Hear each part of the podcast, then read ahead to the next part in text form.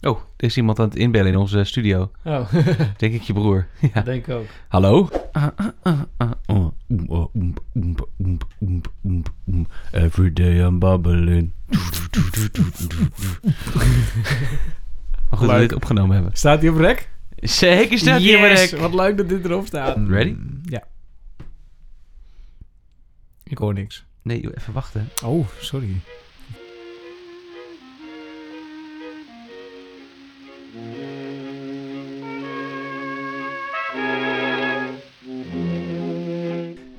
Ja, van harte welkom bij aflevering 1 van het derde seizoen van de Bucketcast. Want we hebben besloten dat we een seizoen eh, gestopt hebben en we zijn met een nieuw seizoen begonnen. Gewoon omdat het kan. En wat gaan we er lekker langzaam in, Matthijs? Met dat heerlijk zacht achtergrondmuziekje. Ontspannen, hè? Ja, Daar gaan we het zo natuurlijk over hebben. Maar eerst Daan, hoe gaat het met je? het gaat heel goed. Ik zei net tegen jou, ik heb, Uitstekend? ik heb meer dan 35 kilometer hier naartoe gefietst. Dat was heel leuk, want ik had wind mee. Maar straks moet papa weer naar huis. En dan heeft hij wind tegen. Tegen... Ja, dat heb je altijd, hè? Soms heb je wind mee in het leven en soms heb je wind tegen. Dus zo is het ook. Dit is de nieuwe aflevering van de Bucketcast. En in deze aflevering gaan we beginnen met een eh, nieuw formatje. We gaan namelijk eh, iets bespreken wat ons geraakt heeft in de afgelopen tijd. Of ooit. In de rubriek Papa heeft weer wat gelezen. Eh, we gaan praten met een gast over een thema. En het thema deze week is, Daan... Belemmerende overtuigingen. Ja, dus dat is eigenlijk het idee van de nieuwe seizoen van de Bucketcast. We gaan thema's opzoeken. En die thema's gaan we dan bespreken met gasten en met elkaar. En daar zoeken we nou ja, inspirerende dingen bij. Ja.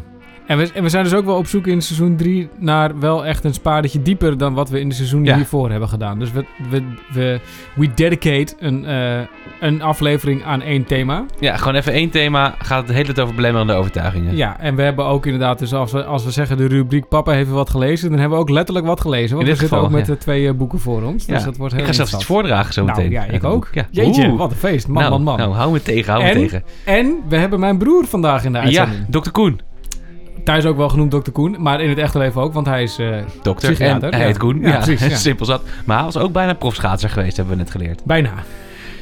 hey, voordat we gaan naar natuurlijk de orde van de dag. Wat horen wij op de achtergrond? Nou, we horen een heleboel, maar we horen onder andere een meneer die heet Roy Fox. Right, Fox. En deze meneer Roy Fox is ooit door Frank Sinatra in zijn early years genoemd the worst conductor I have ever worked with. dus dat was niet heel lekker begin van zijn carrière. Ja. El Bauli is trouwens de man die hoort zingen. Nou ja, ik heb alleen niets over Roy Fox. Ja, maar dat is prima. En eh, die Roy Fox was dus nadat hij eh, door Sinatra was beticht van de worst conductor ever, zijn ze wel goede vrienden geworden en heeft zijn carrière een best wel goede vlucht genomen. Eh, het mooie van Roy Fox, of het interessante aan Roy Fox, ik weet niet of dat mooi is, hij is drie keer getrouwd geweest. Wow. Ja, dat vind ik best indrukwekkend. Ja, knap. Hij is zijn paspoort kwijtgeraakt ook nog, zijn Britse paspoort. Dus toen moest hij weer naar Amerika. Zijn hele leven zit vol met allemaal rare, turbulente dingen. Spannende man. Heeft in totaal vijf kinderen. En een van zijn kleinkinderen is een hele bekende LHGBTHI plus Q activist. Oké, Nou, weet je dat ook weer? nice. Ja. Leuk om te weten. Roy Fox en his band samen met El Bauli. En het liedje heet Reaching for the Moon. Oeh, daar gaan we het vandaag ook nog over hebben. Over moonshots. Ja. Nou, nou, wat een feest. Ja, het past ook weer alles zo lekker in elkaar. Zeker. Oké. Hey, de nieuwe agenda is dus... eh, we hebben het eerst even kort over wat er eigenlijk speelt in ons eh, leven en de bucketlist eh, Ja. en onze dromenbereik situatie. Dan gaan we het hebben over wat we gelezen hebben. Vervolgens spreken wij een gast over een thema. En daarna is het tijd om even een conclusietje aan te trekken. Hartstikke idee. Hats uh, flats. Nou, zullen we doorgaan? Ja, Hoe, eh, heb, heb, heb jij nog wat meegemaakt de heb jij afgelopen nog weken? meegemaakt? Nou jij, behalve dan de coronatunnel waar iedereen in zit, heb ik inderdaad wat meegemaakt. Want ik zei tegen jou, ik heb ooit op mijn bucketlist gezegd, gezet. Oh ja. Ik wil graag zonder drugs wel in trance raken. En dat is, zonder dat ik daar bewust naar op zoek was, geluk. Yes, lekker. Ja, hoe dat gebeurd is, is ik heb meegedaan aan een eh, online ademtraining van een meneer die heet Sri Sri Ravi Shankan. Ja. Dit soort, mannen, hè, dit soort ademtraining, mensen heten nooit Jan de Wit, hè? Nee, dat, is- nou, die zijn er ongetwijfeld ook wel. Maar dit is natuurlijk in, de- deze man komt uit India, dus is het veel leuker. Ehm, althans, hij is de guru die erachter zit. Het werd gegeven wel door Nederlanders. Hele goede mensen. Eh, hartstikke interessante eh, ademhalingstechniek die deze meneer heeft ontwikkeld. of virtueel? Eh, virtueel. Ja, dus via Zoom. En dan leer je een ademhalingstechniek in drie keer eh, twee, drie uur of zo. En die ademhalingstechniek zelf duurt uiteindelijk 20, 30 minuten. En de tweede of de derde keer dat ik dat deed, ik was op mijn, eh, ik was op mijn bucketlist item. Ik was in mijn boerderij. Niet, niet in mijn boerderij, maar ik was bij mijn boerderij. Vet. Ja, en ik zag daar allemaal dingen en ik voelde me helemaal blij. En er kwamen allemaal mensen. Maar ging je daar, om, om dit voor elkaar te krijgen, moet je dan ook zo heel hysterisch gaan zitten ademen? Zo? Nee, nee, dat valt wel mee. Ja, Ja. er moet wel, je moet af en toe, je moet eh, door je neus en af en toe wel heel snel. Ik heb wel eens van die Wim Hof breathing techniques gedaan. Ja, ja, maar dat, dat, Wim Hof is veel meer fysiek. Tuurlijk zit er ook een mentaal gedeelte aan, maar Wim Hof is wel ook heel veel fysiek. En Ja. deze meneer zit veel meer op het mentale. Eh, maar ik was dus, ik was op de boerderij en toen Vet. laatst besefte ik me dus ineens. Oh ja, maar dat stond ook gewoon op mijn bucketlist. En het is iets anders dan eh, chemically induced, eh, zeg maar, trans. Want dat heb ik ook wel eens meegemaakt. Dat, is, dat voelt wel echt anders. Dus ja, is het vergelijkbaar? Nee, het is niet vergelijkbaar. Maar ik was wel... Nou, ik wil het wel een soort van trans noemen. Het was Vet. echt een heel, hele fijne ervaring. Ja. Gruwelijk. Ja. Dus je hebt toch wel even een bucketlist itempje afgetikt Ja, along zonder, the way. Ja, zonder dat ik dat eh, heel bewust ging doen. En wat er nog meer gebeurd is, nou ja, de coronatunnel en alle grenzen zitten nog dicht. Dus project Hut is een beetje op de lange termijn, zullen we zeggen. Eh, Nou. hutje, huren, hutje huren in de Ardennen gaat waarschijnlijk pas vanaf juli gebeuren. Want mijn agenda zit ook zo ramvol dat ik eigenlijk helemaal niet met quarantaineplicht... Maar je zei van de week tegen mij toen we elkaar aan de telefoon hadden... dat je ook wel zag, iets had al van... joh, ik eh, ga gewoon een maandje even in het buitenland werken. Ja, maar dat, eh, daar ben ik ondertussen wel weer een klein beetje van teruggekomen. Oh, dus, want? Ja, want eh, eh, ik vind het heel ingewikkeld. Want dan moet Is dat een over- belemmerende overtuiging? die Ja, het is een ontzettend belemmerende overtuiging. Maar ik heb geen zin. En het is wel interessant, want ik ontwijk dus ook, zeg maar, dat ik me aan moet committeren dat ik daar dan voor een maand naartoe ga. ja. Dus dan denk ik, nou, doe het wel niet. En dan ga ik wel in juli. Maar dat is natuurlijk ook een beetje uitstelling van executie. ja. Je moet toch gewoon een keer gaan. Je moet een keer gaan. Ga nou een keer. Maar dus ik vroeg me wel af, ben ik het nou aan het uitstellen omdat ik het spannend vind? Of ben ik het nou aan het uitstellen omdat ik echt op dit moment zo godsgierend druk heb... dat ik eigenlijk helemaal niet de stress aan kan van nog een maand ergens anders zijn... en hoe zit het dan met internet daar? En als ik dan weer terug de grens over moet, quarantaineplicht... en 435 euro boete en dat soort dingen. Weet je wel? Dus Ja. Het zijn allemaal dingen die natuurlijk op zich, ja, belemmerende overtuigingen zijn. Ja. die boete en zo, dat is natuurlijk ook gewoon de wet. Ja. Maar de en, rest is en wel, officieel is ja. het ook een inreisverbod nog steeds. Hè? Dat wordt waarschijnlijk ook verlengd. Dus ja, nou, oké, fair enough. Nou, goed, ik, ik ben er nog niet je helemaal bent er nog niet in ieder geval. Nee, maar ik heb wel gezegd, eh, in juli gaan we en eh zo be it dan. Dus niet april, maar juli. Nice. Ja, Spannend. dus dat gebeurt er in mijn leven. Nice. En bij jou, eh, Matthijs? Nou, ik heb mijn baan opgezegd. Ja. Verder was prima. En verder, oké, volgende item. Ja. Je hebt je baan opgezegd, Matthijs. Ja. Ja. daar hebben wij natuurlijk van de week al even over gebeld. En ik zat wel een soort van juichend eh, achter mijn telefoon Ja. toen jij Juichender dan ik eigenlijk. Ja, Nog op dat moment. Ja, maar we hebben het natuurlijk heel vaak over gehad. Dus ik, ben, ik voel me heel erg onderdeel van jouw proces. En ik ben heel blij Nee, dat je al die onderdeel. belemmerende overtuigingen aan de kant hebt geschoven. Of in ieder geval genoeg om het te kunnen doen. Maar vertel, wat, wat gebeurde er allemaal? Wat waren Nou, nou, ik had slaaploze nachten? Ik had een onderzoek gedaan naar wat wil ik eigenlijk doen hierna. En ik had wat ideetjes. En ik merkte dat ik was met een soort business idee bezig. En toen dacht ik op een gegeven moment... Ja, maar ik ben nu allemaal dingen hier aan het stoppen... omdat ik die zelf heel tof vind. Maar niet per se omdat daar een beter businessplan van wordt. En ik wil het heel graag met mijn huidige werkgever doen. Ik dacht, ja, ik wil graag daar blijven. Want dan voel ik me voel ik, voel het veilig. En ik voel me loyaal naar die club. En als ik daar wegga, dan kunnen ze helemaal niet zonder mij. En dat is ook zo natuurlijk. Maar dat, dat, dat tezijde. Ehm, nee, dus dan kunnen ze niet zonder mij. En dan, en, en dan worden ze allemaal boos. En dan vinden ze allemaal kut. Maar op een gegeven moment dacht ik... Jij was hier vorige week ook even. Ja. Ja. Zei, ja, maar waarom, waarom ga je niet gewoon weg? En een aantal andere mensen hadden dat vorige week ook al tegen mij gezet. Want ik had vorige week een weekje genomen om daar me mee bezig te houden. Toen dacht ik, ja, waarom ga ik ook niet gewoon? En ga ik gewoon eens een tijdje voor mezelf dingen doen die ik tof vind. Om misschien daarmee ook een stap te maken naar mijn moonshot-achtige dingen. Dus Ja. eh, Radio Tour de France of de tv of nou zo. Nee, ik was natuurlijk al lang tot dat inzicht gekomen. Alleen ik had die week nodig om dat soort van voor mezelf ook een soort van te, te, in mijzelf te incorporeren. Ja, en, En, het en er bewust van te zijn. Want ik had onbewust denk ik dat, eh, dat besluit al genomen, maar bewust nog niet. Nee. Maar je had mij ook geappt. Ik heb er nog wel een paar slapeloze nachten van gehad. Waar, Zo. waar, waar zat dat, wat zat dat op dan? Nou ja, ik moest natuurlijk gaan vertellen tegen mijn huidige eh, werkgever dat ik wegging. Ja. Eh, dat vond ik wel angstig. En wat, wa- en wat vond je daar zo angstig aan? Ja, nou Ja, Belemmerende overtu- over, belemmerende overtuiging. de belemmerende overtuiging in deze is natuurlijk per definitie dat ik denk, dan, ja, dan vinden ze me daarna stom en ze willen nooit met me werken, ze haten me. Oh, ja. En ik heb zo erg mijn best gedaan. eh, maar ja, goed, weet je, op een gegeven moment houdt het ook een beetje op. Ja. En dan moet je er even doorheen. En ik heb het eh, deze week verteld, ja. Dat was een, ik was wel misselijk toen, voordat ik dat ging doen. Ja. Maar de eerste aan wie ik het vertelde, die zag het al aankomen. Dus dat hielp wel. Die zei, vertel het maar jongen. Toen dacht ik, In het boek wat ik straks ga vertellen, daar staat er iets over dit. Precies wat dit. Precies dit. Nou, het boek waar ik zo over ga vertellen heeft onder andere bijgedragen aan deze keuze. Kijk. Maar, en, want Eh. we, we- ik heb nog steeds niet het idee dat we het er echt over, echt, echt over hebben. Want hoe voel je je er nou bij? Want je hebt het nu Ja, ik gedaan. voel me er wel goed bij, Behalve eigenlijk. dat je gisteren negen pils op hebt gedronken. Maar... Ja, ik heb gisteren een klein beetje gevierd. Maar eh, niet met mensen die het al wisten, dus dat was extra gek. Jij was het heel erg aan het vieren, maar die mensen niet. nou, ik had wel een paar pils gedronken en die mensen die erbij waren, dronken ook pils. Oké. Nee, ik voelde me er eigenlijk heel goed bij, heel positief. Ik voelde me ook wel een beetje bevrijd toen ik het verteld had. Ik dacht, nou... En eh, ik ben ook heel nieuwsgierig van wat het gaat opleveren. Ja. Want ik heb nog geen idee natuurlijk. Nee. En dat vind ik er ook ja, dat is spannend en leuk tegelijk. En slaap je nu beter? Ik slaap uitstekend sindsdien, ja. Ja, oké. Dat is eh, belangrijk. Ja, ik had er heel slecht van geslapen de dag voordat ik moest vertellen. En dat was niet echt optimaal, want ik zat die dag midden ook in een heel druk werkevent. Dus, dus ik had soort van 3,5 uur geslapen. Ja, en dan op het tandvlees even erdoor. Even op het tandvleesje erdoor. Maar ik heb het wel gevierd met een borstenbroodje, dus wat eigenlijk het helemaal... Ja, dat is Ja. best wel goed. Ik was blij. Daar heb ik ook een foto van. Ja, ik heb een foto van het worstenbroodje Misschien gestuurd. moeten we die op de gram zetten. Yes! Het worstenbroodje. Ja, Ja, is goed. Worstenbroodje en dan zonder tekst erbij. En dat mensen alleen maar mogen reageren als ze dit hebben gehoord. Dat ze denken, oh, daar ging het worstenbroodje over. Maar het stond niet op mijn bucketlist om een baan op te zeggen, maar ik denk dat het wel onderdeel is van de, het proces naar nou ja, de dromen toe. Ja, misschien kunnen we straks ook even, nadat we Dr. Koen hebben gehoord... dit eh, procesje waar je net door- even door bent geweest...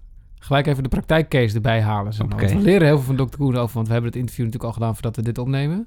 Dr. We leren veel van Dr. Koen. Nou, misschien kunnen we er straks nog even over hebben. Dat zijn we over Dr. Koen. Maar, ik ben erg blij voor je. Dus ik, ik Ja. verwacht nu juichende kinderen en de oehoe en de applaus. En eh, ja... Ja, ik denk dat niet het... Ik denk dat... En ik, ik mocht natuurlijk nooit heel erg suggestief zijn... maar ik denk dat het echt een hele goede keuze is. Ik hoop het. Nou, dat is gewoon zo. Nou, Maar deze- voorlopig is het, de, is het de beste keuze die je kan maken. Ja, Dus maar, toch? je, maar je, hebt ook, je hebt ook nu een weg ingeslagen in je levenspad. Dus bij deze, dit is je keuze. Mooi toch? Dat kan je maar beter mooi vinden. Ja. Goed zo. Hebben we een nieuw item, Daan? Papa heeft weer wat, papa heeft weer wat, papa heeft weer wat gelezen. Papa heeft weer wat gelezen. waarin wij dingen gaan eh, bespreken die te maken hebben met het thema waar we ons mee bezighouden. In mijn geval dus vandaag omdat het me heeft geholpen bij een belemmerende overtuiging overkomen. En in jouw geval omdat het over belemmerende overtuigingen gaat, volgens mij. Ja. En wij zoeken iets op en dat pakken we ofwel uit ons verleden of uit het heden waarvan ik, hé, dat heeft ons geïnspireerd, dat inspireert ons nog steeds, om keuzes te maken dingen te doen die we willen doen. Ja. Ik ben wel benieuwd wat jij hebt meegenomen. Je hebt een Ja. groen boekje meegenomen, waarschijnlijk van een of andere Indische, Indiaanse... Nee, nee. Ik ben ook wel benieuwd hoe dit item gaat. Want eigenlijk hebben we helemaal niet gehad over, hoe we dit eigenlijk doen. We hebben gewoon tegen elkaar gezegd, neem een boek mee. En, nou, je hebt het erover, ja. Daar hebben het erover. Eh, ik heb een boek meegenomen dat heet Anamkara. Dat is eh Keltisch uit oud, oud-Iers. Eh, van een Ierse filosoof. Die meneer heet John O'Donoghue. Ik heb hem vaker genoemd in de Bucketcast. Ja. Ik ben echt groot, groot, groot fan. Dus voor iedereen Ja. die hem wil lezen, Anamkara van John O'Donoghue. Super mooi boek over Keltische wijsheden.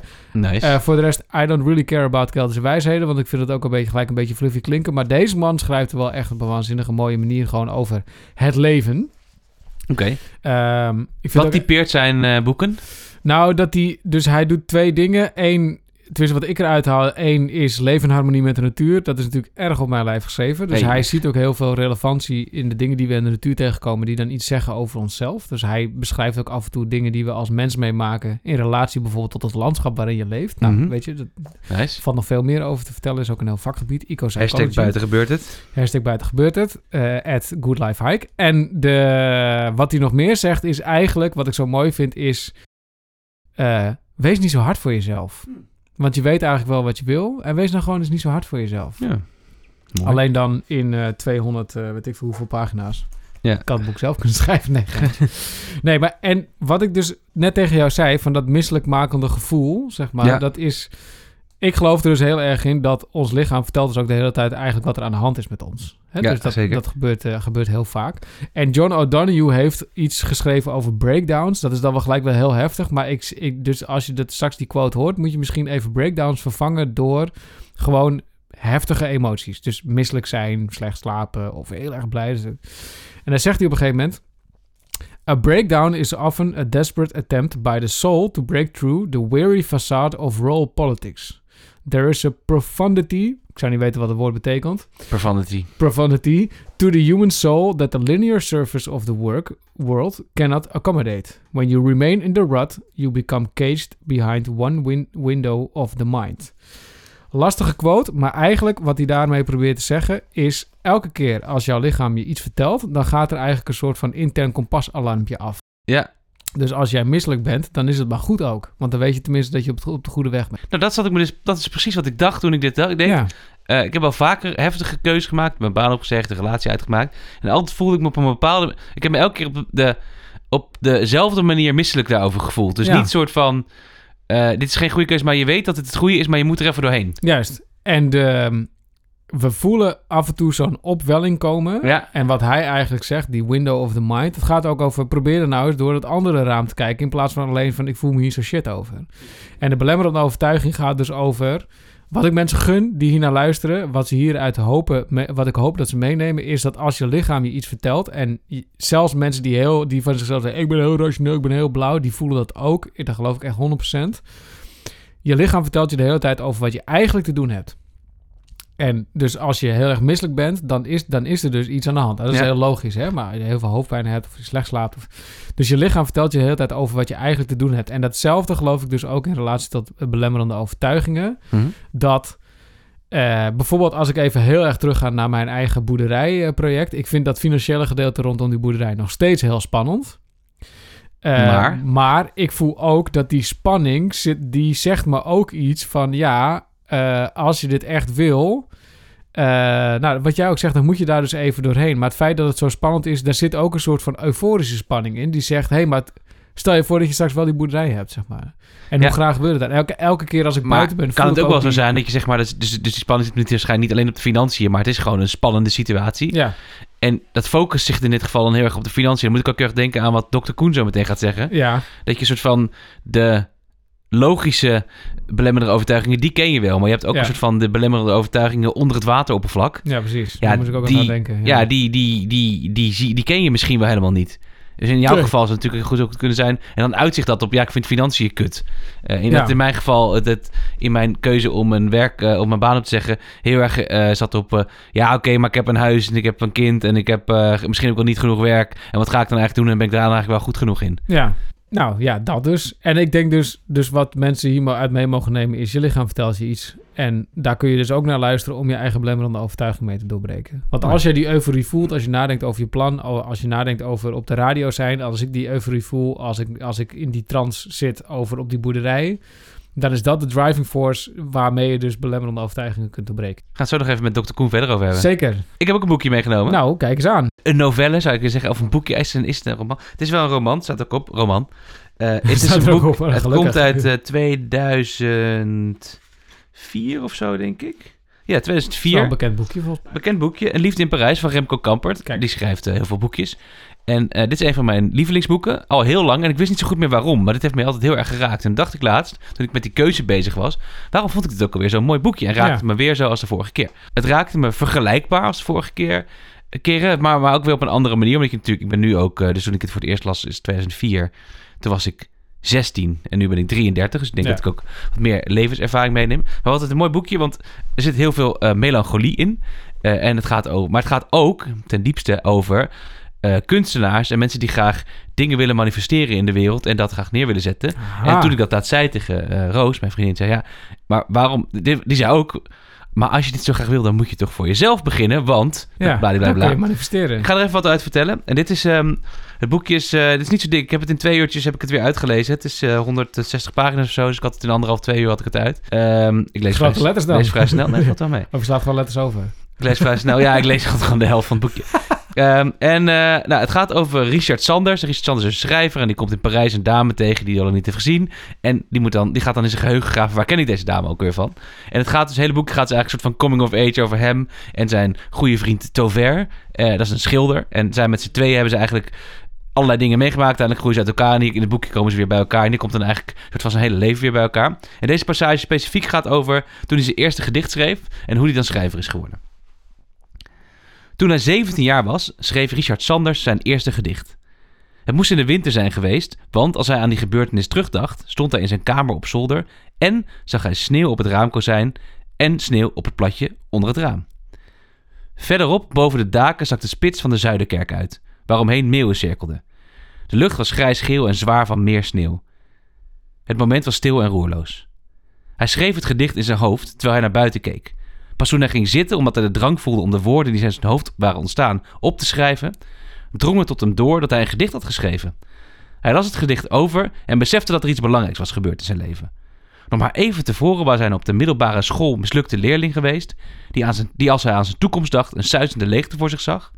Maar nu zag hij plotseling zijn bestemming helder voor zich.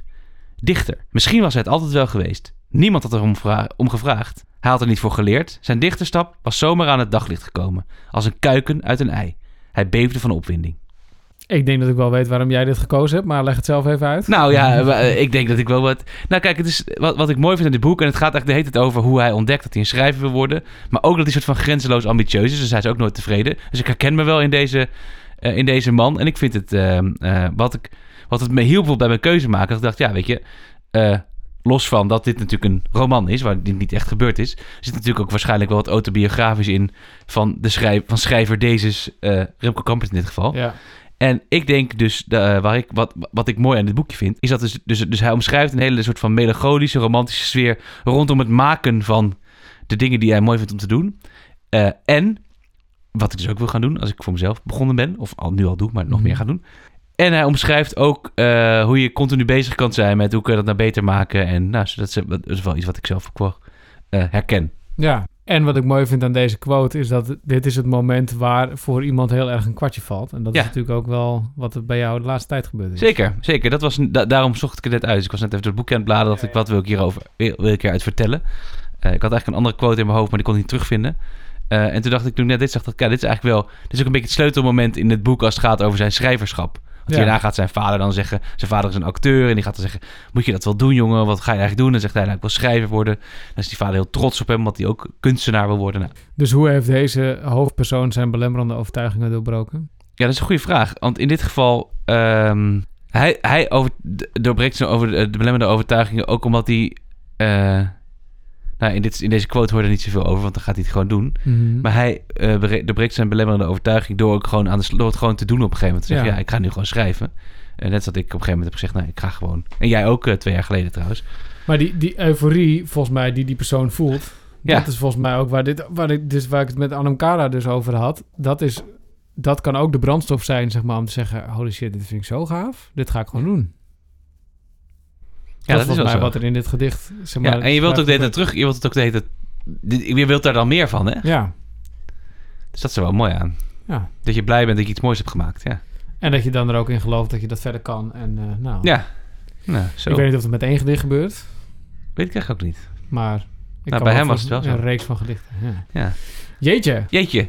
ik vond het mooi. Ja, leuk hè? Papa heeft wat Papa gelezen. heb je wat gelezen. Wordt wel, wordt wel veel lezen dan de komende week. Als we Wordt wel veel lezen de komende boekje, weken, nou, Adam Kara Boekje. Nou, maar het kan ook een keer een video zijn of een stukje muziek of... eh, Waardoor je geraakt wordt. precies. Hey, Door naar eh, Dr. Koen? We gaan bellen. Met Dr. Koen hè? Dus even kijken of ik het eh, belnummertje nog heb.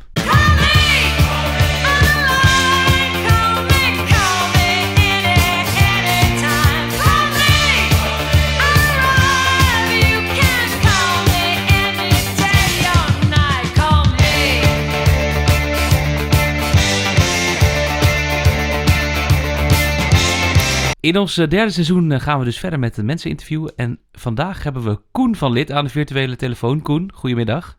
Goedemiddag. Bekende achternaam, maar even kort, eh, wie ben je en wat doe je? Ik ben Koen Verlit. Ik ben eh kinder- en jeugdpsychiater bij Paulan, de praktijk in Alkmaar. En onderzoeker op het Amsterdam, bij het Amsterdam UMC eh, op de afdeling kinder- en jeugdpsychiatrie. En daarnaast ook de grote broer vandaan. Kijk. Dus eh, op deze manier kom ik in deze podcast. Ja. Ja, precies. Ja, want mensen... Dus alles wat misgegaan in de Aanse jeugd eh, heb ik of gedeeld of uh, was ik Of mede veroorzaakt. Vooral het laatste, Ja. denk ik. veroorzaakt, zeg maar. Al die klappen en Ja. zo. Dus eh, nee, Ja, precies. De reden dat Daan nu andere mensen wil helpen is omdat hij zelf vroeger in elkaar geslagen is. Dus is. nou, leuk hoor. Leuk, Ja, ik zal mijn broer vaker Ja. uitnodigen. Ja, eh, belemmerende overtuigingen gingen we het over hebben, Daan. En jij Ja. stelt dan altijd een intelligente vraag. Ja, zeker. Nou, we hebben natuurlijk eh, aan het einde van seizoen 2 hebben we het ge- te- we, we raakte ik helemaal gefascineerd door waar we heel vaak tegenaan lopen met onze gasten. Dat ze zeggen van ja, je moet, je moet het gewoon doen, weet je wel. Als je denkt dat het fout gaat, maakt het helemaal niet uit. Verbrand de bruggen achter je en ga gewoon aan de slag. Eh, dus we zijn gefascineerd door de wereld van belemmerende overtuigingen. Misschien, Koen, moeten we het eerst even hebben voordat we gaan praten over waar komen ze vandaan en wat kun je eraan doen. Wa- Wat, eh, wat zijn belemmerende overtuigingen eigenlijk? Hoe zou jij dat uitleggen als psychiater? Eh, goeie vraag. Ja, nee, het ingewikkeld is, is een hele brede term, eh, belemmerende overtuigingen. En dat zijn vaak, heel veel mensen kunnen die heel bewust opnoemen. Zo van ja, ik heb een huis en ik heb een vrouw en ik heb kinderen. Snap je, dat liedje over eh, ergens in, in Amsterdam op de zon, in de zon, zeg maar. Eh dat je allemaal reden om dingen niet te doen. Ehm, maar wat denk ik net zo belangrijk is, is ehm, daar, nou, daar doe ik dus onder andere, ik doe, eh, dan moet ik misschien goed introduceren. Ik doe eh, hersenonderzoek bij jongeren met gedragsproblemen naar hele basale cognitieve functies als hoe leer je angst, hoe angstig ben je, eh, in, allemaal in de MRI-scanner, hoe reageer je op een beloning of op het niet krijgen van een beloning en hoe flexibel is jouw brein in het veranderen van je gedrag. Dat zijn de basale onderwerpen waar ik onderzoek naar doe. En dat zijn allemaal onderwerpen waar we ons helemaal niet zo bewust van zijn. Of we daar of we heel angstig zijn, nou dat misschien nog wel. Maar ik denk dat heel weinig mensen zich eh, bewust zijn of ze heel erg gevoelig zijn voor beloningen. Of dat ze heel, heel flexibel zijn in hun gedrag aanpassen bijvoorbeeld. En ik denk dat dat die diepe, zeg maar, die diepe overtuigingen, kernovertuigingen, of ja, we noemen dat in de psychiatrie vaak denkschema's of schema's, die zitten vaak heel diep en die, daar ben je vaak niet zo bewust van dat dat jouw denkschema is. Dus heel veel ja, overtuigingen zijn denk ik minder bewust dan we ons allemaal realiseren. En ik denk vooral dat in de dagelijkse praktijk je door je cognitieve flexibiliteit, of hoe angstig je bent, of hoe gevoelig je bent voor beloning op de korte termijn, of juist voor het niet krijgen van een beloning, dat dat heel veel invloed heeft op het uiteindelijk behalen van je doel. Eh, omdat het, de meeste doelen liggen namelijk wat verder dan een dag, denk ik. Dus ik, ja, ik, ik weet niet in welke, nou, welke bucketlist items jullie denken, zeg maar. Maar de meeste dingen gaan ik over hele grote plannen als verhuizen of ik wil, uh, nou, in mijn geval wilde ik vroeger onder de 40 seconden schaatsen. En weer dat is iets waar je 10 jaar voor moet trainen.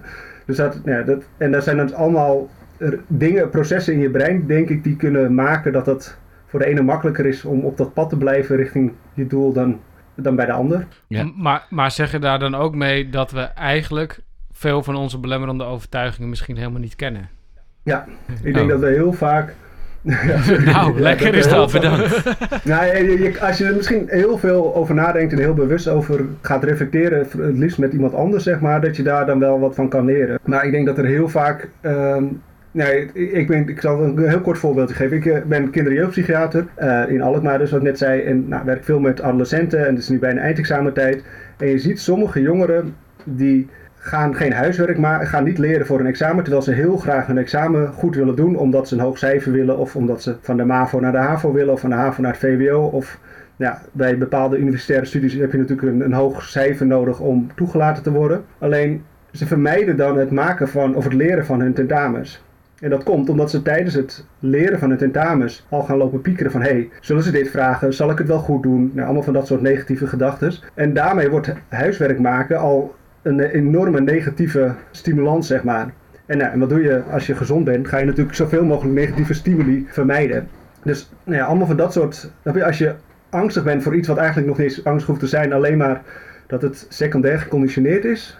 Is het nog te volgen of niet? Nou, wat is Secundair Ja, geconditioneerd? die moet je even uitleggen. Wat is secundair geconditioneerd? Ik hang aan je lippen. In principe is huiswerk maken natuurlijk niet angstig. Dus daar hoef je niet bang voor te zijn, want er zit niet een directe beloning aan vast, er zit niet een directe straf aan vast.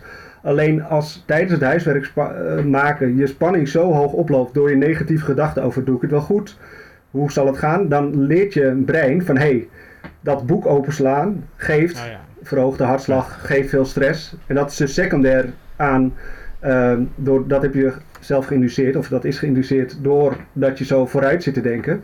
En ik denk dat we heel vaak ehm, van die stappen over, niet doen, zeg maar, op weg naar ons plan, omdat we eigenlijk dat liever vermijden omdat het spannend is. Ja, dus dan kun je het dus op, dan kan je misschien ook, dus dan voel je wel, oké, dit vind ik spannend, of hier, dit, dit, dit, dit lukt me niet, maar dan kan je niet zo goed uitleggen waarom.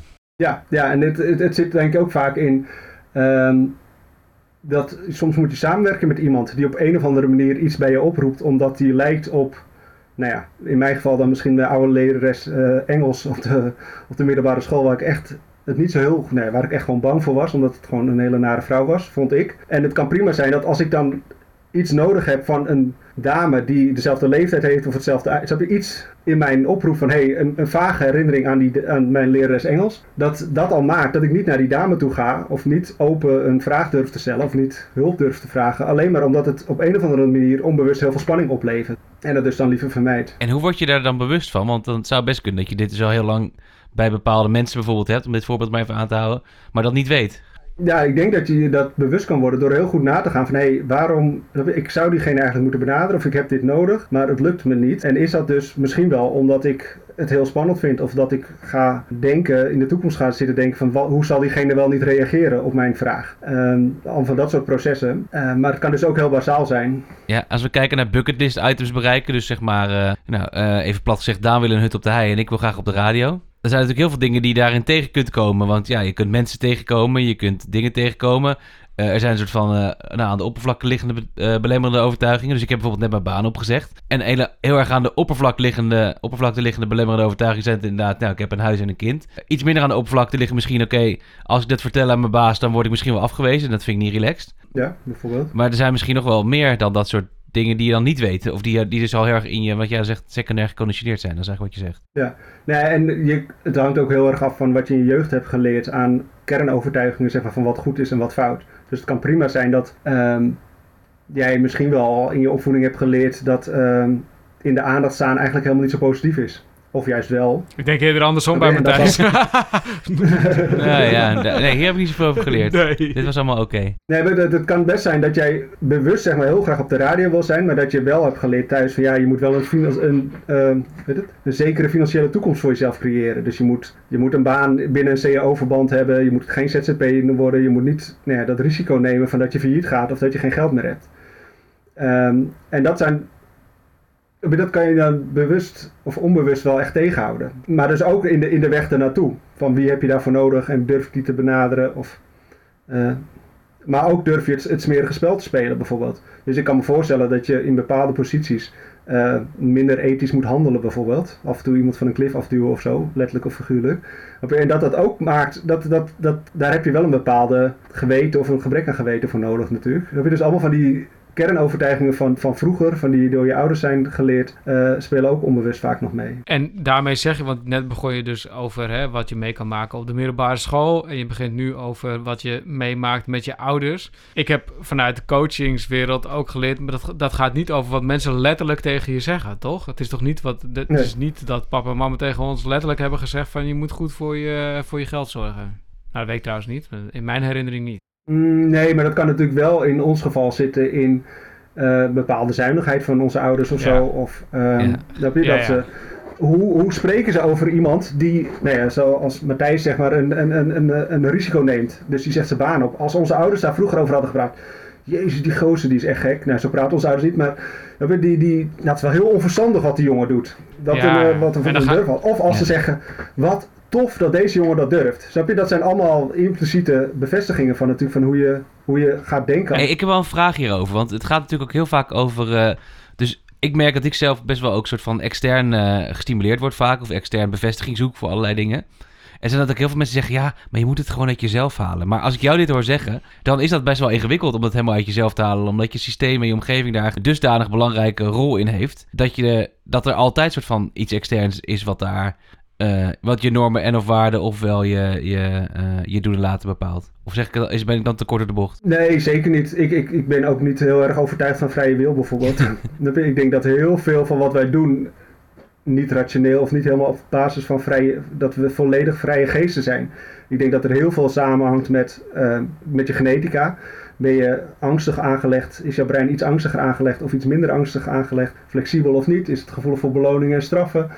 Um, daar weten we best wel goed van dat daar, dat komt op mijn terrein, onderzoeksterrein dan, dat dat nou ja, bij bepaalde psychiatrische ziektebeelden natuurlijk nou, heel fors verstoord kan zijn. Maar ook dat er in de gewone populatie, ik heb ook onderzoek gedaan onder studenten, en daar blijkt gewoon dat meer of meerdere maten van psychopaten trekken. Dus dan ben je nog geen volledige psychopaat, maar wel ben je wat angstelozer of ben je juist wat angstiger of ben je ook wat killer, heb je wat minder empathie dan, of heb je wat meer empathie, dat dat heel erg samenhangt met je hersenfunctie. Of je uh, goed of je makkelijk angst leert of niet. Want je hebt mensen die aangeboren waarschijnlijk, of door hun vroege jeugd heel weinig angst voelen. Of juist, eh, we weten ook van mensen die heel veel mishandeld zijn in hun jeugd of heel erg verwaarloosd, dat die ook periodes hebben dat ze juist heel angstig zijn. En ja, dan is het natuurlijk als je heel angstig bent, is het heel moeilijk om op avontuur te gaan. Zeg je nou daarmee trouwens dat mensen dus die eh, het makkelijk vinden om risico's te nemen, dat die ook een beetje psychopathische trekjes hebben? Potentieel? Komt, nou laat ik het zo zeggen, dat ze gemiddeld iets meer. eh, we weten wel dat extraverte mensen of mensen die risico durven te nemen, gemiddeld iets hoger scoren op eh, persoonlijkheidstrekken als narcisme of op eh, manipulatie of op eh kill en emotieloos. Ja, dat is een kill en emotieloos een hele psychopathie term, maar dus iets minder ge- gerend worden door de empathie voor een ander. En dat is ook af en toe een hele goede Ja, dat eigenschap. zat ik ook want nog te vragen. Gelijk was, als je natuurlijk bank, als je, nou ja, bankdirecteur wil zijn of zo, of directeur van Philips, dat, nou, krijg je heel veel geld voor, maar je moet er ook af en toe 10.000 man uitgooien. Snap je? Je moet 10.000 gezinnen werkeloos maken. Of dat soort dingen. Ik zou dat heel ingewikkeld vinden. Ik ga dan echt een nacht lopen piekeren van, oh jee, al die gezinnen en zo, en ik verdien zoveel. En eh, dat soort dingen is natuurlijk, ja, dat, dat kan je wel belemmeren in je, in je doel om een hele grote baas te worden. Eh, en hetzelfde geldt natuurlijk voor, eh, nee, je zal maar president van Amerika zijn. Dat is echt, dit is hartstikke leuk hoor, als je de baas van de wereld bent. Maar ja, je beslist ook of je even een oorlog gaat beginnen, of je Jemen gaat plat bombarderen. Of je, je, moet, ik, ik zou denk ik, ja, moet ik oppassen, misschien word ik ooit politicus of zo. Maar het heel ingewikkeld vinden om, om, bij, om minister van Buitenlandse Zaken of van Defensie te zijn of zo. Omdat je denkt, ja, het is voor ons land eigenlijk wel goed als, eh, nou, als er niet te veel vluchtelingen komen of zo. Maar ja, dus dan moeten ze allemaal maar in, in een kamp laten zitten. Terwijl dat echt super slecht is voor die kinderen en voor die mensen. En misschien ook wel onterecht. Of, nou ja, over, ik heb pas een stuk gelezen over die IS-vrouwen en die kinderen. Moeten die dan wel of niet teruggehaald worden, die kinderen? Die kinderen zijn twee, drie, vier jaar oud. Kan je moeilijk de schuld geven van dat een moeder naar een IS-gebied is gegaan. Ja, die halen we dan niet terug, want ja, dat zijn potentiële risicofactoren. Ja, ik vind dat hele ingewikkelde dingen. En dat zou mij heel erg belemmeren in het maken van dit soort keuzes. Maar je zegt er dus ook mee dat als je kijkt naar dromen bereiken en, en grote stappen nemen, dat een gedeelte daarvan wat je in de weg zit, is dus. Want we hebben al heel veel heel interessante dingen gehoord, dus probeer het even op elkaar te schuiven. Eh, de eerste is de dingen waar je bang voor bent, zijn niet per se letterlijk de dingen waar je bang voor bent. Hè? Dus dat boek en dat, eh, en dat huiswerk en eh, dat examen maken, zeg maar. Dus die secundaire conditionering. Een gedeelte daarvan zit ook gewoon in je, in je genetica. Dus dat maakt niet uit wat papa en mama tegen je gezegd hebben. Zo, zo werkt je brein nou eenmaal. En een gedeelte bouw je op dus wel door de dingen die je meemaakt. En onder andere wat je ouders tegen je zeggen. Dan, dan wel niet letterlijk of hoe jij dat interpreteert. Ja, nee, vanuit Ja. mijn onderzoek naar de aanvulling dat. Ik heb ook onderzoek gedaan naar ehm, ja, reversal learning noem je dat. Dus dan hoe snel leer je dat ge- nee, heel vaak is gedrag A belonend en gedrag B niet. Maar in het dagelijks leven gebeurt het best wel vaak dat gedrag A niet meer belonend is en gedrag B ineens belonend is. Eh, dus als je je doel wil bereiken, moet je eerst vooral heel veel gedrag A laten zien. En daarna moet je. Op een gegeven moment is gedrag A niet meer effectief en moet je naar gedrag B de mate waarin je dat, dat is, dat hangt niet zoveel samen met intelligentie waarschijnlijk, maar meer met hoe snel is je brein, zeg maar. Hoe snel je kan switchen van strategie, maakt ook heel erg uit eh, of je wel of niet ehm, je doel behaalt. Ehm, wat ook best logisch is. Ehm, en dat maakt dus ook dat je, als je dat heel goed kan, kan je ook heel snel switchen van, oh ja, op die werkplek moet ik me zo gedragen, moet ik dit doen, op die werkplek moet ik dat doen. En hoe sneller je dat leert, hoe effectiever je je gedrag aanpast. Want daar wilde ik naartoe inderdaad. Want, hoe, zeg maar, want wat doe je er dan vervolgens mee? Wat ja, was ik ook aan het afvragen. Je, dus jij zegt net, ja, je kan je gedrag aanpassen. Stel dat ik eh, voor een grote keuze sta en ik merk dat iets niet goed gaat, of dat het, niet, dat het me niet lukt. En ik weet misschien wel een belemmer- belemmerende overtuiging zijn, of, of misschien ook niet. Hoe onderzoek ik dat en hoe zorg ik ze, hoe, hoe maak ik ze dood? Waar ik ze dood. Ehm, ik denk dat je, eh, dat je, als je echt tegen grote belemmeringen aanloopt, zonder dat het psychiatrie is, want dat is natuurlijk ook altijd ingewikkeld van wanneer noem je iets nou psychiatrie of niet, dus, dus een ziekte of niet, dat het heel erg helpt als je een, ehm, een psychotherapeut opzoekt of een leertherapeut, dus een ervaren klinisch psychi- eh, psycholoog of een eh, psychiater, die, ehm, die met jou kan onderzoeken van wat zijn nou mijn denkschema's, wat zijn mijn terugkerende patronen. Ik, als je psychiater wil worden, eh, moet je 50 van die sessies doen, dus 50 keer met een psycholoog, een psychiater zitten over jezelf. En die zegt dan op een gegeven moment na sessie 10, joh Koen, dit verhaal hoor ik nou al twee of drie keer. Op een manier is dit jouw valkuil of is dit jouw belemmerende factor, zeg maar. Of ben jij, denk jij heel vaak dingen over bepaalde mensen, terwijl die hebben helemaal niet getoetst of dat wel klopt, zeg maar. Of eh, heb je bepaalde gedachten over bepaalde mensen. Dus jij zegt ook eigenlijk, als je tegen belemmerende overtuigingen op, eh, oploopt, of in ieder geval ergens de, op, een, serie- op een punt komt in, een, eh, nou, in iets wat je wilt bereiken en het lukt je niet, dan is het goed om daar hulp bij te zoeken, want dat ga je zelf niet uitvogelen. Mm, nou ja, de simpele dingen kun je zelf wel uitvogelen natuurlijk. Maar juist die onbewuste patronen die er heel diep in zitten, die zie je niet zo... Ja, dat hoort zo bij jou, zeg maar. Dat is heel moeilijk om dat zelf onder ogen te zien dat het misschien wel niet klopt. Jouw aanname dat, nou, dat eh, oudere vrouwen van 55 plus altijd eng zijn. Of eh, nou ja, dat soort dingen, zeg maar. Maar en stel je voor, want dan, zeg maar, nu hoor ik je over die leertherapie bijvoorbeeld heel veel zeggen, dat gaat over het onderzoeken. Dus dat is één stap in er iets mee doen. Maar weet je dan ook, er is waarschijnlijk niet één antwoord op te geven, maar wat kun je er dan vervolgens aan doen? Hè? Dus ik hoor je ook iets zeggen over de beloning, want ik kan gelijk beredeneren van, nou, ga op zoek naar wat de beloning zou kunnen zijn van het gedrag waar je eigenlijk bang voor bent. Dat is dan één ding waar ik aan zit te denken, maar... Wat, zeg maar, wat is er nog meer? Wat zijn nog meer van die dingen die je kunt doen om dan met die belemmerende overtuigingen, behalve onderzoeken, om daar, wat Matthijs zo net zo mooi zei, om ze dood te maken? Nou, misschien wel herkennen. Dat je gaat herkennen van hé, hey, in deze situatie voel ik dit. En dat weet ik, want dat heb ik met mijn leertherapeut toen ook uitgeplozen. Dat, dit, nee, dat ik dit ga voelen. Dus dat je bij jezelf gaat herkennen van hé, hey, ik vind het ongemakkelijk of ik vind het moeilijk. Eh, en op het moment dat je daar wat meer van ik- in de GGZ reorganiseren we elk, eh, elk jaar ongeveer, elke twee jaar. Dus ik heb wel best wat reorganisaties meegemaakt. En ik merkte op een gegeven moment dat ik gewoon... Er kwam er weer een manager en die ging vertellen, ja, we gaan het anders doen. Nou, letterlijk tunede ik gewoon uit. Omdat het al het zoveelste verhaal was, zeg maar. Maar ondertussen ging ik ook heel veel boosheid opbouwen. Of heel veel eh, eh, eh, ja, boosheid. En dat zijn allemaal nare gevoelens. Dus het liefst voel je die niet. Dus is het effectief om uit te tunen. Als je het dus over beloning hebt. Van wat is nou de beloning van je... Nou, het is super ineffectief gedrag. Want ik zit op een positie als psychiater... dat je beleid mag meedenken vaak, als het goed is. of dat hoop je dan.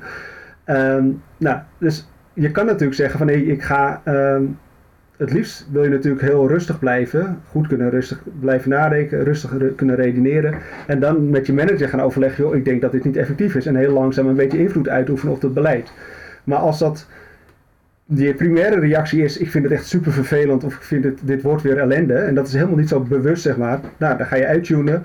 En het belonende van het uittunen is dus dat je niet dat nare gevoel hebt.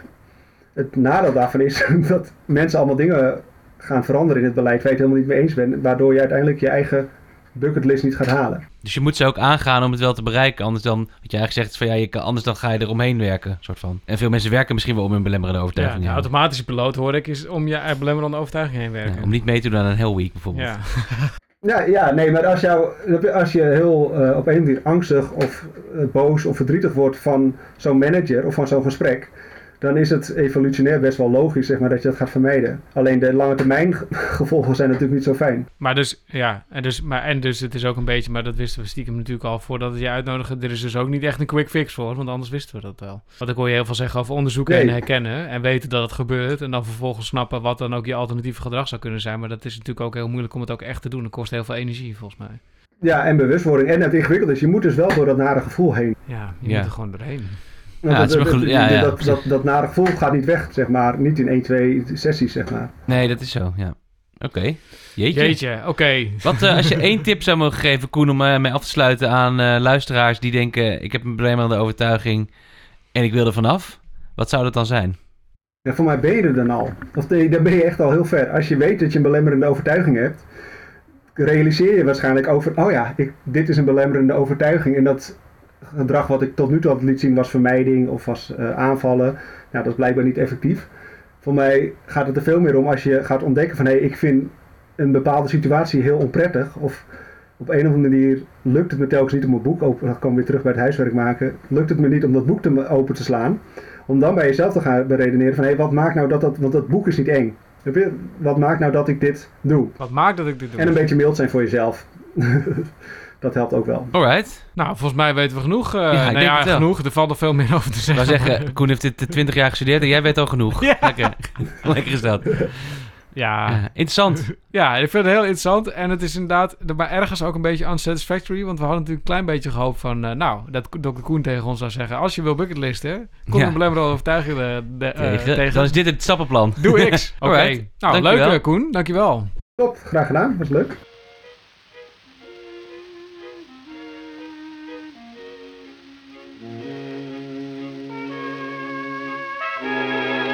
Dr. Koen, ja, jouw broer dus. Ja, Eh, oudere broer. hè? Hij Oudere noemt jou ook broer, je ja. broer, zijn broertje. ja. En hij vertelde later, nadat de recording gestopt was, dat hij eigenlijk nog nooit naar de Bucketkast heeft geluisterd.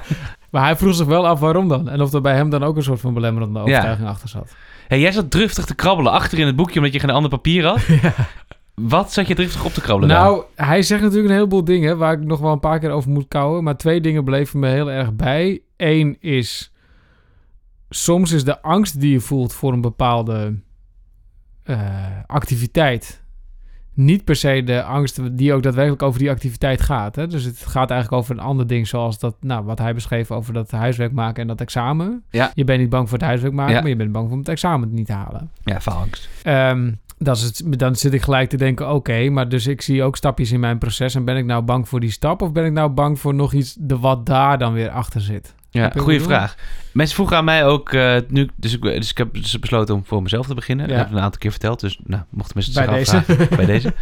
Eh, dus wat ga je dan precies doen? Ja, deels weet ik dat en deels weet ik dat nog niet. Hè? Dus ik vind een aantal dingen leuk om te doen. Presenteren, podcast maken, eh, creatief processen, creatief, creatief zijn. Creatief inge- ingevlogen worden voor creativiteit. Ja. Vind ik leuk om te doen en daar ben ik denk ik ook goed in. Ehm, maar wat wel grappig is, is dat ehm, heel veel mensen zeiden, ja, waar ga je dan precies naartoe? Ja, dat weet ik dus nog niet. Dus je, dus Nee. je hebt ook wel een beroemde quote van die, die Victor Muller. Die zegt van, om van, eh, proces, we- wegen gaan vaak van A naar B naar C. Maar vaak als je A, bij A bent, dan weet je nog helemaal niet waar C ligt. Dus dan moet je Nee. eerst naar B. En bij B zie je dan wel weer waar C eventueel D en zo naartoe gaan. Dus dat Ja. heb ik nu eigenlijk ook gedaan. Ik heb gewoon een stapje genomen naar B. Maar en goed, dan, ja, dan, dan openbaart zich ook weer een hoop. ja, dat hoop ik tenminste. Ja, dat ga ik sowieso. Er gebeuren sowieso dingen. Ja, er gaan sowieso dingen oh ja, Nu is logisch. Ja. Ja, zeker, zeker. Ja, dus dat was het ene. Hè? Dus je kunt een soort van uitgestelde angst hebben die dan in een actief... Waar, je denkt dus na over een stap en je denkt, die vind ik spannend, maar eigenlijk vind je iets anders spannend. Dus daar moest ik wel heel erg over nadenken, want ik zit inderdaad de hele tijd... met- eh, ik vind financiën spannend, maar vind ik dat dan echt spannend of zijn het andere dingen? Dus daar, dat, daar moet ik nog Ja. even... Nou, dat is een beetje een soort mindfuck ook. Ehm, maar hij zei ook ergens van... We gaan dan ook heel vaak een activiteit doen. We doen heel vaak activiteiten om maar, zeg maar, die negativiteit of zo...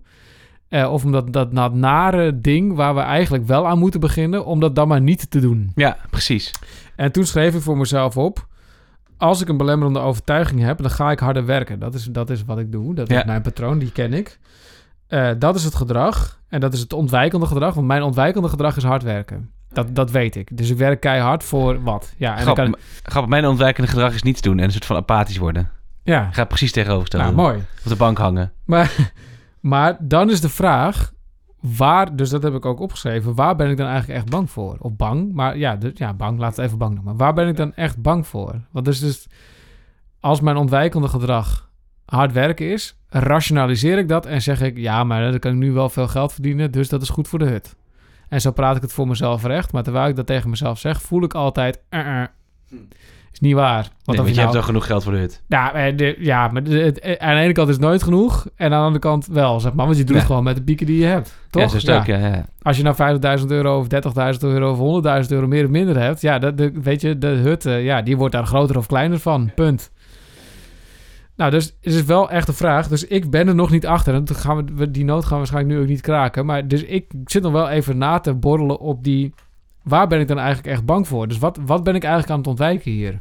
Ja, het is wel een zieke mindfuck. Want je, de, de grap is dat je dat dus, dat vertelde hij dus ook, dat je dat dus eigenlijk niet weet. Nee. Want, en de vraag is maar of je erachter komt. Behalve dus, wat ik er dus wel uit is dat, het, dat je er dus achter komt wat je aan het ontwijken bent als je daar met andere mensen over gaat hebben. Ja. Zij zei, andere mensen kunnen veel beter de patronen die jij hebt analyseren en benoemen dan jijzelf. Dat is Ja. natuurlijk logisch, want ze zijn onbewust. Nou, en toen zat ik dus ook gelijk te denken... waarom heeft de coach eigenlijk geen coach? Dat, was ik me, dat is precies de vraag die ik ging stellen. Want wie heb je, met wie heb je het erover, behalve met mij? Nou, ik heb, wel, ik heb wel een paar mensen in mijn omgeving. Alleen die, hebben niet, die zijn niet helemaal in de objectief coachende rol. Ik heb, ik heb twee mensen die beschouw ik meer als mentoren, zeg maar, Ja. in mijn leven. Het zijn oude, wijze, grijze mannen. Eh, en die stellen me ook hele goede vragen. En ik ben ze daar ook heel dankbaar voor. Maar dit hebben we er nog niet in aangeraakt. En dat is misschien ook omdat, ja, weet ik veel. Dat is ook natuurlijk pas wat ik net even geleerd heb uit het interview natuurlijk. Maar ik zit dus wel, nou, ik, en ik denk ook, dus ik, dus ik zat te denken terwijl Koen zat te praten, dacht ik, ja, misschien wordt het wel weer tijd voor een coach. Ik ben er ook net weer mee, begonnen. Dat, en het, heeft me enorm, het helpt me enorm. Ja, of een, of een sorry, dat, want dan moeten we het echt over jou hebben. Maar dus, eh, of een echte leertherapeut, zeg maar, wat hij ook Ja. noemt. Want coaches zijn natuurlijk ook, en daar hoor ik ook toe, die hebben bij ICM een coachingopleiding gedaan. En die is ook hartstikke veel waard en kwalitatief echt wel goed. Alleen een leertherapeut, die heeft er nog wel even net iets langer voor doorgeleerd. Ja, Dus misschien ga ik daar wel heel, iets heel anders halen dan, dan bij een coach. ja of een psychotherapeut zei, of een psycholoog. Ja. Ik heb ooit een keer bij een eh, soort psychotherapeut, hypnotherapeut wat sessies gedaan. Dat was wel een stuk heftiger, kan ik je vertellen, dan Oeh. coaching die ik ooit heb gehad. Hypnotherapie ook. Ja, dat is lijp. Ik moet ik heel dat gaan doen. Wel vet hoor, ik Ja. vond het heel vet. Bucketlist ding. Ja, ik ga niet, eh, ik weet niet of ik er nog... je Maar moet er ga wel je- zin ga je in echt hebben. onder de hypnose. Ja, het is niet dat die man dan met zo'n dingetje voor je ogen zit en... eh, je gaat nu in een diepe hypnose. Zo werkt het niet. Maar je gaat wel naar je onderbewust. Ja, dus je doet gewoon je ogen dicht en is- je wordt... Dus, dus ik vond het daar sterk, sterk lijken op begeleide meditatie plus, zeg maar. Ja. Nou, tof. Oké. Dat was wel tof. Ja, dat was denk- echt ja, wel moeite nou, waard. Niet alleen tof, maar ik denk dus dat het wel... Of tof. Ik ja. weet namelijk, ik, dus hier staat een vraagteken. Waar ben ik echt bang voor? En daarnaast de pagina leeg. Ik weet het antwoord gewoon niet. En misschien zit er wel iets heel anders dan geld. En dat vind ik echt interessant om te onderzoeken. En misschien komt het wel uit op geld. Nou, punt, prima. Ja, maar dan is dus de vraag, hè, dus we hadden het net over, gaat het dan om geld? En, en waar komt dat dan dus vandaan? Want Ja, hij zei dus bijvoorbeeld, wel. misschien hebben je ouders wel heel Ja. eh, zuinig geleefd of eh, Zeker. bestaanszekerheid heel belangrijk gevonden. Allemaal waar. Hij noemde, hij noemde allemaal dingen waarvan Ja. ik dacht, ting, ting, ting, ting, ting. Dat wist, dat wist hij natuurlijk zelf ook wel. Ja, en, ik bedoel, maar, mijn ouders zijn heel lieve mensen. Dus ik, dat neem ik ze ook helemaal niet kwalijk. Alleen zij hebben wel, dat is, zit wel een, dat noem ik altijd Noord-Hollands conservatisme in. Ons met zuinig. Ja, weet je, ons bent zuinig en die zorgt gewoon... eh, hè, de- mijn vader zegt altijd... Jouw opa, die bouwde pas een kas als hij het, als hij het geld ervoor had. Nou, die gedachte. Hè? Ja. Uiteindelijk heeft hij dat niet gedaan. Daar heeft hij ook een paar kassen gebouwd met de hulp van de bank. Maar in principe zei hij... Je bouwt pas een nieuwe kas als je er geld voor hebt. Nou, als dat, als dat opa dat al roept... Ik heb die opa verder niet gekend. Maar eh, dan voel je dus dan wel een beetje dat... Zeg maar, dat is bij mijn moeders kant van de familie. En mijn andere opa, die, eh, die, had, wel, eh, die had wel pieken. Maar die gaf het nooit ergens aan uit. Dus nou, double pleasure, zullen we maar zeggen. Dus ik weet wel, dit, dit, ik snap, dit, dit patroon ligt wel redelijk duidelijk op tafel. Ja. Schappig, want mijn ouders zijn ook best zuinig. Althans, mijn vader is best zuinig, want ik kom van de boerderij. Maar ik ben dan helemaal niet zuinig. Dus nee, ik ben, had dat sneakers. Ja, ik koop veel sneakers. Ja, ik heb vandaag nog bijna een mooi paardje gekocht. Oei, oei. Maar eh, dat terzijde. Nee, maar dus, dat is grappig. Dus je kan ook zo'n tegenreactie ontwikkelen. Ja. In mijn geval waarschijnlijk. Zeker. Ik ben namelijk helemaal niet zo goed met geld. Dat wordt nog wel eens ondernemen Nee. trouwens. En mijn zusje geeft trouwens bakken met geld uit. Dus dat is ook interessant hoe zij er dan mee omgaat. Ja, maar het kan dus ook zijn, dat wat hij natuurlijk ook zei. Dus, dus hoe, je, hoe je omgaat met de situatie waar je uitkomt, is natuurlijk altijd anders. Dus dat, Ja. dat merkte ik ook wel. Dat bleef, dus wat, dat, dit bleef bij mij ook wel het meest. Dat mij bij eigenlijk het meest bleef hangen was dus. Je hebt dingen, zeg maar, secundair geconditioneerd. Ja. Dat heb ik toch even gezegd. mooi, mooi, mooi. Eh, secundair geconditioneerd. Eh, dus, dus je hebt gewoon patronen opgebouwd. En die patronen, daar ben, je, ja, daar- daar ben je je bewust van of niet. En wat ik ook wel mooi vind, is dat ze zeggen... Als, als je je ergens bewust van bent, dan ben je eigenlijk al 90% daar. Ja. En dat, heb, dat, dat weet ik eigenlijk ook wel. Maar het is wel goed om dat nog eens een keer eh, bevestigd te krijgen van iemand die er echt verstand van heeft. Ja. En dat is, dat, is, dat is dus wel ergens een geruststellende gedachte. Want aan de ene kant hebben we het natuurlijk over de mindfucks van secundaire conditionering en eh ontwijkend gedrag. En dat Ja, gaat eigenlijk, precies. eh, eh, daar kan je helemaal in blijven hangen. En aan de andere kant zegt hij ook, nou, als je... eh, ik, ik hoor inderdaad ook een beetje, als je denkt te weten wat je belemmerende overtuiging is, dan ben je al best wel ver. Ja, precies. Dat, is toch lekker? fijn. Ja. Ja, ik vind dat lekker. Maar er is dus geen blue pill of red pill, helaas. Nee. Hmm. Dat hadden we gehoopt, hè, dat we nu een oplossing voor onze belemmerende overtuiging hadden. Ja, Dat, eh, dat dokter Koen had gezegd. Let's go. ja, zo'n psychiater, die deelt wel pillen uit. Misschien heeft hij stiekem toch een paar pilletjes achter de hand. nee, geintje. Oké, maar, maar en wat haal jij er dan uit voor... ehm, Oh ja, we gingen nog even hebben over het, de afgelopen week, eh, welke proces Ja. het had. Nou, wat ik zo sterk altijd merk bij die belemmerende overtuigingen, dat ze over het algemeen vrij irrationeel zijn. ja, Dus eh, ze gaan altijd over. En ze zijn altijd heel heftig ook. Dus ik denk dan meteen, als ik het aan mijn baas ga vertellen, dan, gaat, dan slaat hij me meteen en heb ik nooit meer werk. Weet oh je ja, ja, ja, ja. Dat is een beetje wat er bij mij gebeurt. Ehm, dus die ga ik dan heel erg aan mijn eigen angsten koppelen. Zoals afwijzing bijvoorbeeld, vind ik heel erg. Dus dan, eh, dan denk ik meteen, oh ja, dan gaat iedereen me afwijzen. En dan heb ik helemaal niemand meer. En dan ben ik alleen op de wereld. Weet je wel zo. Terwijl, als ik rationeel erover nadenk, vind ja, werk bij een bedrijf dat onder- ondernemerschap stimuleert. Dus heel gek is als ik zeg, ik ga ondernemen, dat ze dan zeggen, ja, fuck you, motherfucker, opflikkeren. Hoef je nooit meer te zien. En hier heb je nog een trap na. Ja, dat is niet heel realistisch, nee. Nee, maar dus dat is wel wat ik merkte. Dus, en dat is ook het proces wat ik de afgelopen week had. En waarom ik het dus ook zo spannend vond. Want, en, dat, en dat komt omdat ik dus de, de reactie van de andere partij niet kan controleren of zo, weet je wel? Je weet gewoon niet hoe iemand gaat reageren. En er is ook zoiets als de, de, de negatieve bias. Dus we zijn in principe geconditioneerd om eh, vaak van het slechte uit te gaan. Het slechte in de, in het, in de zin van niet.